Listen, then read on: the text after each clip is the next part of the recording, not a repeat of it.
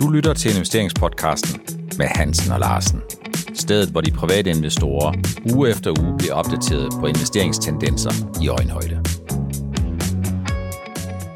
Velkommen til afsnit 159 af investeringspodcasten med Hansen og Larsen. Vi skal snakke lidt om laks. Vi skal snakke om informationsniveauet, når selskaber kommer ud og laver nogle kapitaludvidelser, og delagtigt gør investorerne lidt i, hvor stor eller måske samtidig også, hvor lille interesse den har været. Det er, hvis det er gået rigtig dårligt, og så skal vi snakke, Helge, en del om, hvorvidt investorerne måske bliver fristet af det her relativt høje øh, afkast, man kan få på amerikanske statsobligationer, selv med en løbetid på 6-12 måneder.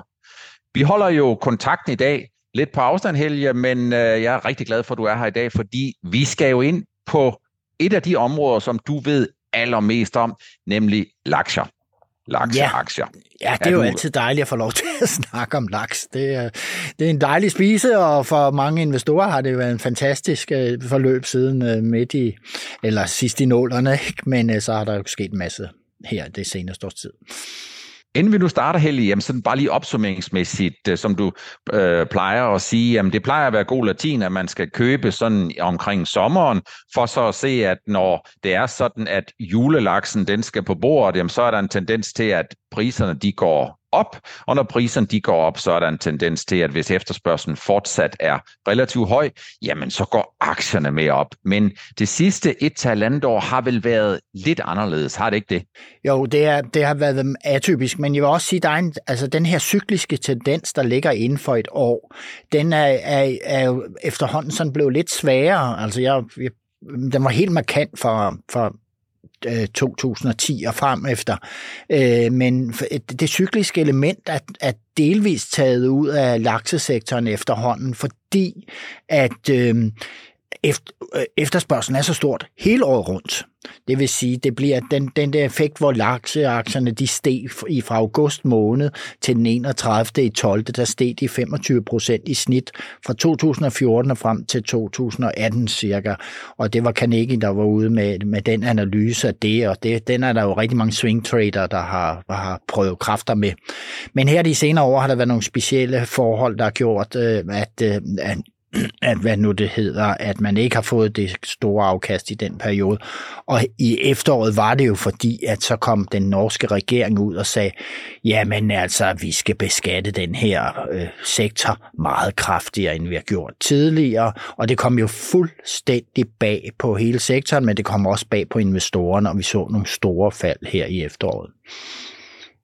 Vi kommer meget mere ind på det, og vi kommer meget mere tilbage på det. Du har allerede sagt noget om det, Helge. Det, der gør forskellen, det er jo priser, det er jo omkostninger, det er, hvad koster fodret, øh, det giver øh, indtjening, og også den her grundrenteskat, som øh, i hvert fald her i slutningen af september og oktober, starten af oktober måned 2022, i det mindste på kort sigt har skabt en helt anden nervøsitet for indtjeningsudviklingen i selskaberne, end den vi har øh, set de sidste mange år.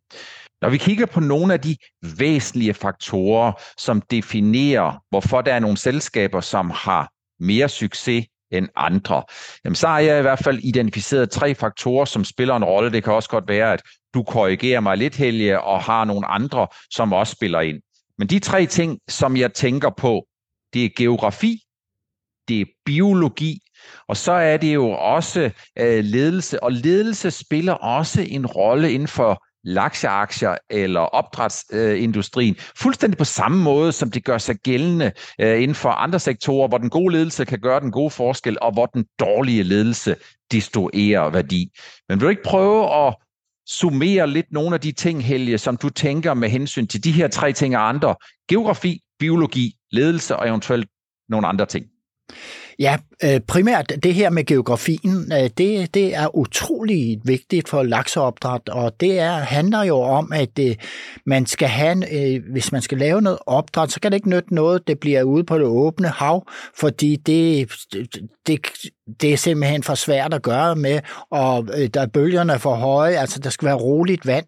Og øh, det har, der har hele den der norske kystlinjen, de har en helt fantastisk, et helt fantastisk sted for, for, for lige det her opdræt, fordi der har man stille vand, og så har man de rigtige vandtemperaturer. Og øh, laksen, den skal altså, altså ikke for langt ned i temperatur, og den skal heller ikke for højt op. Og det har man altså i de her fjorde, der har man det her fantastiske øh, geografiske element, der gør, at jamen, det er meget velegnet at have lakseopdræt der. Det samme har man også på Færøen, og det har man også i Chile og nogle enkelte steder i Kanada. Men primært Norge, man har så en lang øh, øh, øh, kyststrækning, og der er det fantastisk, at man gennem årene har set, jamen der har været masser af familier, der er sådan, i særligt familier, for det, det her er meget sådan præget af familieselskaber. Små familier, der har gået i gang med deres eget opdræt i nogle af de, alle de der store og små fjorde, de har deroppe af kysten. Og øh, i og med, at man har det her element, at der er så få steder i hele verden, man egentlig talt kan, kan opdrætte laks, så øh, må jeg jo sige, at det er jo med til at dæmpe øh, udbuddet af laks på globalt. Og øhm, øh, ja, så så det er et meget vigtigt element. Øh, man må ikke presse produktionen for meget, øh, fordi så bliver øh, laksene syge, hvis man, prøver, hvis man kører det alt for intensivt. Og der er vi over det der med biologien. Altså det er en meget hårfin balance om, hvor, hvor, hvor mange fisk man kan have i hver af de her buer. Og for det er ligesom i vuggestuer og børnehaver, der er det sådan, når man stuer for mange børn ind, så bliver der alt for meget sygdom i løbet af vinteren ikke? Hos, øh, hos børn, og så også for deres forældre. Ikke? Og det samme har man, øh, rammes man af biologisk øh, i, i de områder, hvor man nu har, har trods alt har forholdsvis intensiv øh, opdræt. Jeg skal lige sige, at øh, hvis vandet bliver for stillestående, så kan man altså også få, øh, for, for øget sygdomsforekomst, og, og så Ja, det er sådan en balance, og der må jeg sige, øh, hvis vi så går over og snakker det her med ledelse, så at den bedste ledelse, man har, det er sådan set driftledelsen, den fysiske drift. Altså, den er så vigtigt, det at man kan kan finde ud af at opdrætte, uden det bliver for intensivt, og man får for, meget sygdom. Og det skiller øh, forne fra bukkene, vil jeg sige i det her tilfælde. Det skiller mange af de virksomheder, alt efter hvor gode, erfarne folk de har inde til at styre deres produktion. Men er det derfor, Helge, at de norske politikere egentlig synes, at de har en rigtig god sag, når det er sådan, de vil presse en forøget grundrenteskat ned over selskaberne, som jo øh, har været snakket om 40 procent, der giver en marginalbeskatning selskabsmæssigt på 65, så vidt jeg husker, fordi de siger, jamen vi har faktisk egentlig øh, tæt på monopol i dag på den gode biologi. Øh, ja, helt klart. Altså, og så, så er mange af de her politikere, de kigger jo ikke ud over landets grænser og siger, nå jamen, der er jo trods alt, øh, der er trods alt andre områder i verden, man kan lave laks. Og øh, Altså, øh, de kan ikke forstå, at man er i konkurrence med, med det, der også er derude, ud over Norge. Ikke? Øh, man ser faktisk bare på, at man har nogle fantastisk velfungerende øh, selskaber, som tjener, kan du sige, styrtende med penge. Det har vi jo set gennem årene. Jamen, der er altså et beskatningsobjekt der. Man tænker ikke på, at den her sektor skal jo udvikles hen til at blive mere grøn og mere bæredygtig og alt det her. Og det koster en masse penge. Der skal bruge en masse penge til investeringer, og det, det, du ved Per, hvordan det går med investeringer, hvis beskatningen er for høj. Det, man beskatter, får man altså mindre af, ikke? Så. Det, det er det, jeg ved, og jeg en gang imellem, der kunne jeg jo godt tænke mig, enten at politikerne også vidste det, eller de i det mindste ville lade være med at kommunikere på det. Det er jo noget af det, som vi har været inde på meget ofte. Der er ikke nogen, der stiller krav om eller forventninger om, at politikerne de har indsigt i økonomi, men der, hvor det normalt går galt, det er, når de giver indtryk af, at de ved noget om det.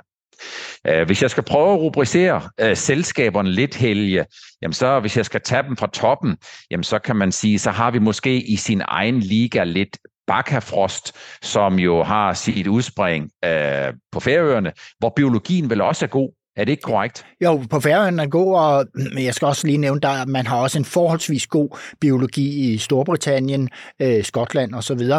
Øh, men, men, men Norge og Færøerne, de, de, er, de er i, i særklasse.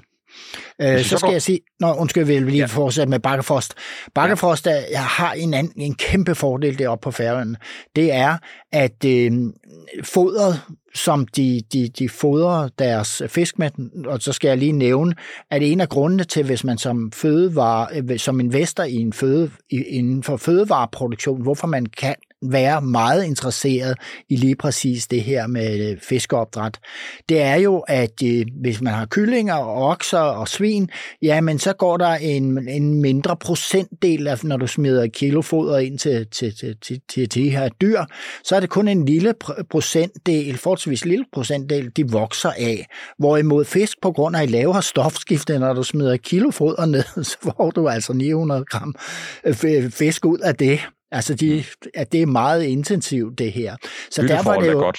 Ja, så derfor er det jo meget interessant at investere i, fordi det er jo det er jo rimeligt enkelt, og man har altså nogle omkostninger til foder, som er noget lavere end de andre sektorer. Øh, lige med bakkefrost, jamen deres foder, Ja, normalt består foder af jo soja og korn og alt muligt andet, og som Lars Svendsen fra Millionærklubben siger, det er jo ikke andet end franskbrød, der svømmer rundt der. Men det er jo ikke sådan, det er, og slet ikke på, på Færøerne, fordi Bakkerfrost har skibe, der sejler ud og fisker øh, øh, industrifisk op, og så sejler de hjem igen om aftenen, og de til ud tidlig morgen kommer de hjem om aftenen, så læser de det af, og så er der foderpiller næste dag øh, som man kan bruge til sit lakseopdræt. Og det her marinefoder, det blander man jo så med, med, med, med soja og hvad der ellers er. Øh, men man får et højt indhold af omega-3 ved at have meget marinfoder i. Og der har Bakkerfost en fordel frem for mange af konkurrenterne i Norge. Ikke? De har produceret selv deres foder og har også et selvstændigt selskab for det, så, og så de sælger foder til anden side. Ikke? Men Bakkerfost fantastisk dygtig. Jeg har været derop og, og se produktion og slagteri og alt det der, det kører fantastisk bare på skinner. Og de har jo så mange specialister, ingeniører og biologer og sådan noget, der hjælper dem fra Danmark af, som, mm. som er rigtig gode inden for det her opdræt. De formår også at opdrætte deres øh, øh yngel, øh, så, så, så, så vægten bliver forholdsvis høj, før de sætter dem ud øh, i, i, i, vand, i det vandet i de burene, øh, og jo længere du kan få dem til at vokse sådan inden dør, mm, mm. mm. Det, gør, det gør, at de har et stærkere immunforsvar. Det er en suveræn virksomhed, har altid kørt rigtig, rigtig godt og tjent meget mere per kilo laks, end konkurrenterne har fra globalt.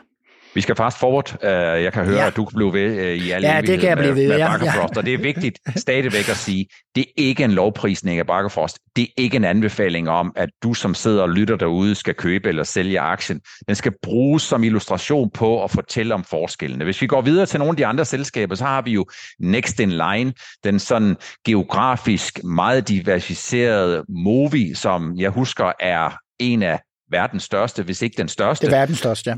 Og så går vi videre til nogle af dem, Helge, der også er børsnoteret, men som har problemer historisk haft det med biologien. Det er jo en af de der differentierende faktorer, vi har snakket om, nemlig Leroy eller Leroy, øh, så er det Grieg, og så er det Austevold, øh, som vil er nogle af dem, som en gang imellem fra kvartal til kvartal jo egentlig overrasker på den gode måde, men som i et lidt længere perspektiv ikke kan siges for alvor at have leveret meget konsistente og meget stabile resultater? At det, det er en rigtig god øh, øh altså opremsning, du har her. Movi, verdens største, der tidligere Marine Harvest, øh, og øh, jamen, de vokser ud over hele verden, og de har meget produktion i Chile. Det er altså det, der, i modsætning til de norske selskaber, så så de jo meget hurtigt ud i den store verden, og de slog til Chile, som har nogle rigtig gode forhold, øh, efter at de blev lagt ned i starten af nålerne på grund af for meget sygdom derovre. Øh, så er Marine Harvest, som så nu hedder Movi, jamen de er gode der, og de er også gode i Asien, og de har muslinger, muslingeopdræt og alt muligt andet. Så det må jeg sige, jamen det er et Øh, stort godt selskab, og de, de øh, lokationer, de har i Norge, dem har de jo mange af, dem klarer de altså også fint, og de har i stand til at holde lønniveau, så de tiltrækker de bedste medarbejdere til at klare driften.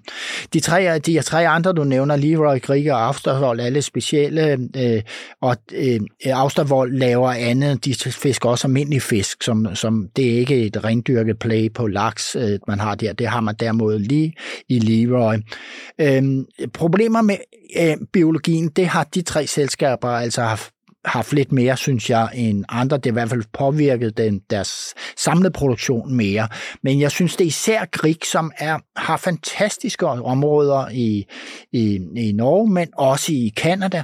Øh, det er et, et smertensbarn, jeg har haft i min portefølje, og så smidt ud øh, flere år i træk, fordi at, øh, at, de, at, at de kunne sgu ikke finde ud af det, og det, de er meget hårdt ramt i Norge, øh, øh, fordi det er højt oppe i Nord-Norge, de ligger med nogle områder, hvor jeg må sige, ja, det kan gå godt i to kvartaler, så strømmer så strømmer hvad nu den investoren til, fordi de prises meget lavt for fortidens synder.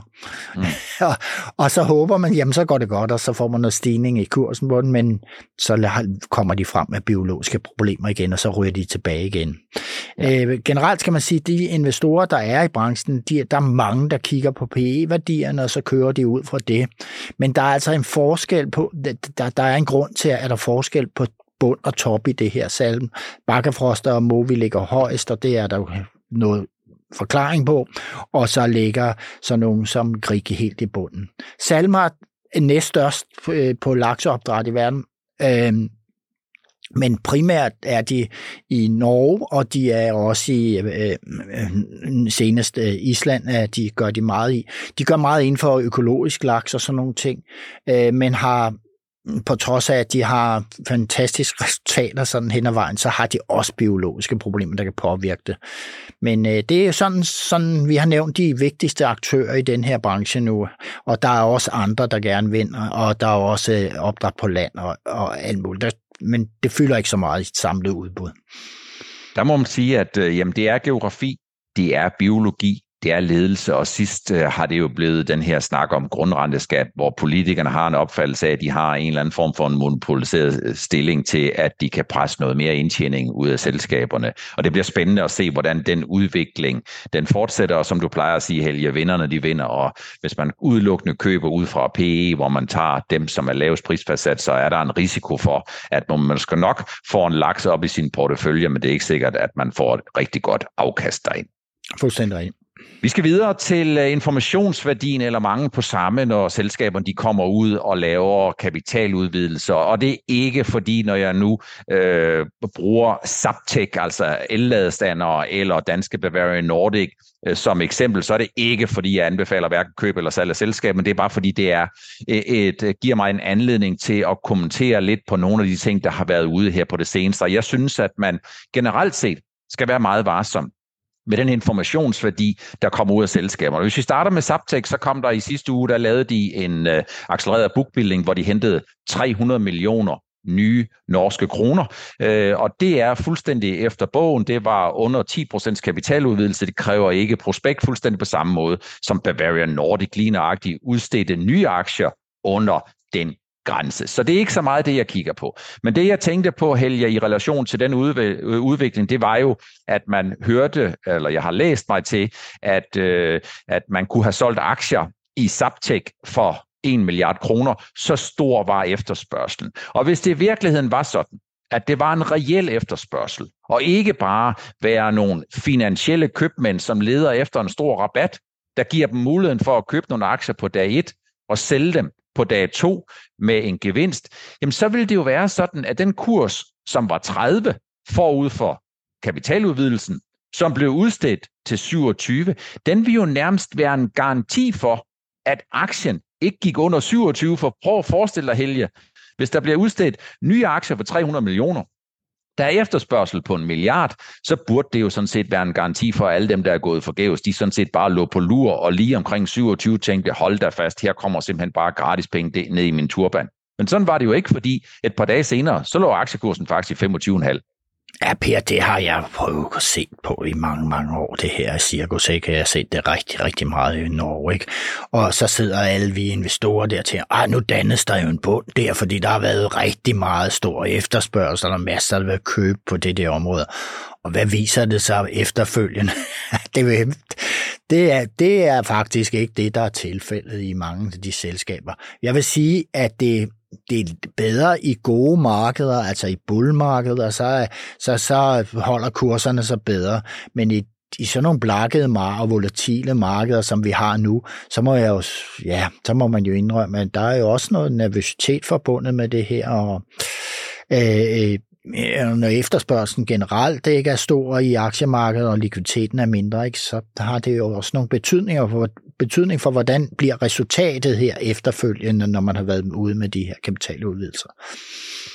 Et andet eksempel, det var Bavarian Nordic. Øh, Bavarian Nordic skulle jo ud og hente 1,6 milliarder kroner, så vidt jeg husker, til tyfus kolera, plus en andel i et forskningsprojekt, hvor der er nogle milestones uh, på et senere tidspunkt, men de skulle ud og hente al væsentligt 1,6 milliarder kroner, og det fik de også gjort. Aktiekursen var 2,45. Der blev lavet, givet en rabat på en 5-6 procent. Kursen blev slået på 2,33. Bavarian Nordic meldte om en reduktion i forhold til efterspørgsel, og Bavarian Nordic gør på ingen måde noget forkert. De melder bare om, at der er sket en reduktion, og det er bare helt legitim måde at sige tingene på. Men på samme måde, Helge, så så vi også, at i Bavarian Nordic, som jo er en aktie, der deler vandene, dem der er short i den, og de private investorer, som ser det langsigtede potentiale, så så vi et par dage senere, at aktiekursen også var nede og røre 220, og det er faktisk noget, vi har set rigtig mange gange, når det er sådan, at Bavarian Nordic kommer ud og laver en kapitaludvidelse. Nemlig, når der laver sådan en accelereret bookbuilding, så tiltrækker de nogle finansielle købmænd. De der finansielle købmænd, de er ikke langsigtede investorer, men de kigger på det relative forhold mellem risiko og afkast. Øh, der er også andre, der deltager formentlig, men, men de kigger kortsigtet på det. 12, 24, 48 timer, og så er de formentlig ude igen, og hvis aktiekursen den dykker ned under afregningsprisen, så er de formentlig med sikkerhed ude, og så har de lavet en miskalkulation. Så også her skal man som investor passe på, at man ikke tager udgangspunkt i, at når der sker en reduktion i forbindelse med en accelereret bookbuilding og bliver givet en 5-6% i rabat, så er det altså ikke sådan, at alle dem, som gik forgæves, eller alle dem, der ikke fik fuld tildeling, at de bare står på lur og er klar til at købe på en hver given kurs under 2,33. Ja, og så netop i sådan en aktie som Bavarian, som er så shortet, så kan man jo, kan tingene forstærkes jo, at det, der åbnes nye short på 2,33, altså som den kurs, der, der, der, der, hvad, hvad nu det hedder, man har lavet kapitaludvidelsen til, og det vækker ekstra nervøsitet i markederne og så derfor har man så øh, måske øh, et lidt større fald, end man ellers ville have haft, hvis det bare var nogle købmænd, der lige ville ud, eller var utilfredse med, at der ikke var en st- sket en stor stigning efterfølgende, og, og, og de, som du så pænt nævner, har måske miskalkuleret noget. Og det har den her slags investorer jo råd til. Det er jo ikke, det er jo ikke os to pærer, der kommer med vores pension og løfter sådan bookbuilding, vel? Det er Nej. altså nogle ordentlige øh, klipper, der, der, der, der, der spe, har specialiseret sig i den slags. Vi slutter af med sådan en lille snak, Helge, om det relative forhold mellem aktie og obligationer. Vi har jo et par gange her i løbet af vinteren haft op og vinde hvorvidt øh, 2023 vil blive et helt andet og forhåbentlig meget bedre investeringsår end 2022, og også det relative forhold mellem aktier og obligationer.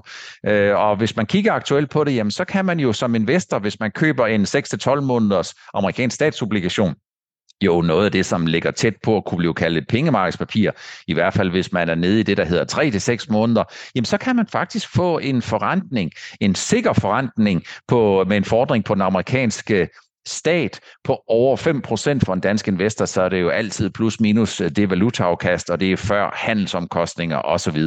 Men det er vel stadigvæk sådan, Helge, at, der er, at det er meget naturligt, hvis der er en sund skepsis hos investorerne, fordi de ligesom siger, hmm, vi ved ikke, om 2023 bringer den her økonomiske underafkøling, det gør, at, de, at økonomierne går i recession. Vi kan se, at der er en, en risiko for, at hvis de går i recession, ja, så skal indtjeningsforventningerne, de skal yderligere ned, og vi ved af erfaring, at hvis indtjeningsforventningerne de først begynder at blive nedjusteret, så falder aktierne ikke kun med nedjusteringer, men de falder med nedjusteringer plus en ændring i risikopræmien. Det kan være ganske meget. Så det er vel meget naturligt, at der er nogen, der ligesom kortsigtet sidder og holder lidt på deres penge, og måske parkerer nogle af dem i obligationsmarkedet.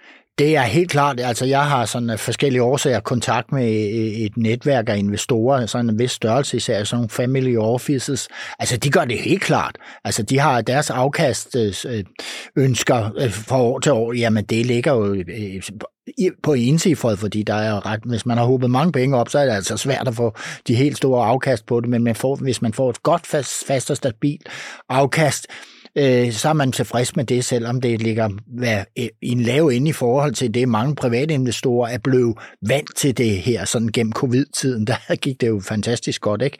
Men der, der er jo nogle investorer, der er store derude, og der tænker sig grundigt om, og, og her er det, er det helt oplagt, man for en kort periode går ind i, i den her type obligationer som det her. Det er helt, helt klart. Øh, jamen, private investorer kender jeg ikke ret mange, der nævner overhovedet eller snakker om det at lige nu og her gå ind i sådan en, øh, en type obligation. Men øh, jeg snakker jo heller ikke med, med dem alle sammen. Så, så, så altså, det må jeg sige, det, det, det kan mange selvfølgelig være fristet af lige nu, hvor det ser lidt blakket ud.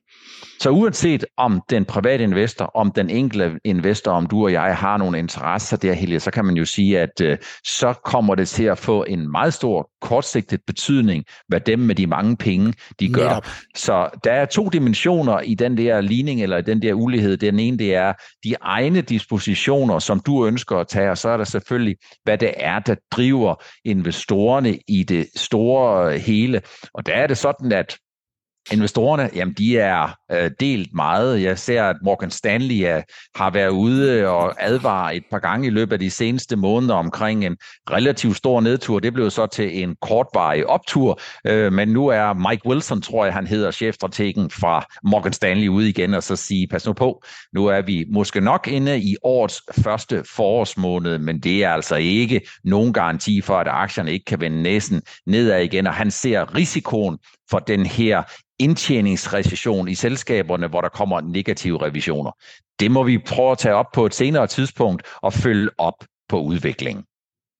Det var det, vi havde valgt at tage med i dagens afsnit 159 med investeringspodcasten med Hans og Larsen. Lidt om aktier, lidt om øh, aktier i lakseindustrien, lidt om informationsværdien eller mangel på samme, når selskaber de laver kapitaludvidelser, og så selvfølgelig det relative forhold mellem attraktionen i obligationer eller i rentepapirer og i aktier. Tak fordi du stadigvæk vælger at bruge lige underkanten af 30 minutter på at blive opdateret på det, som er mest interessant for de fleste private investorer. Vi ses igen og høres ved igen i næste uges afsnit 160 af investeringspodcasten med Hans Larsen, hvor vi kommer en hel del ind på den rigtig gode udvikling, der har været i tankskibsaktier det seneste år.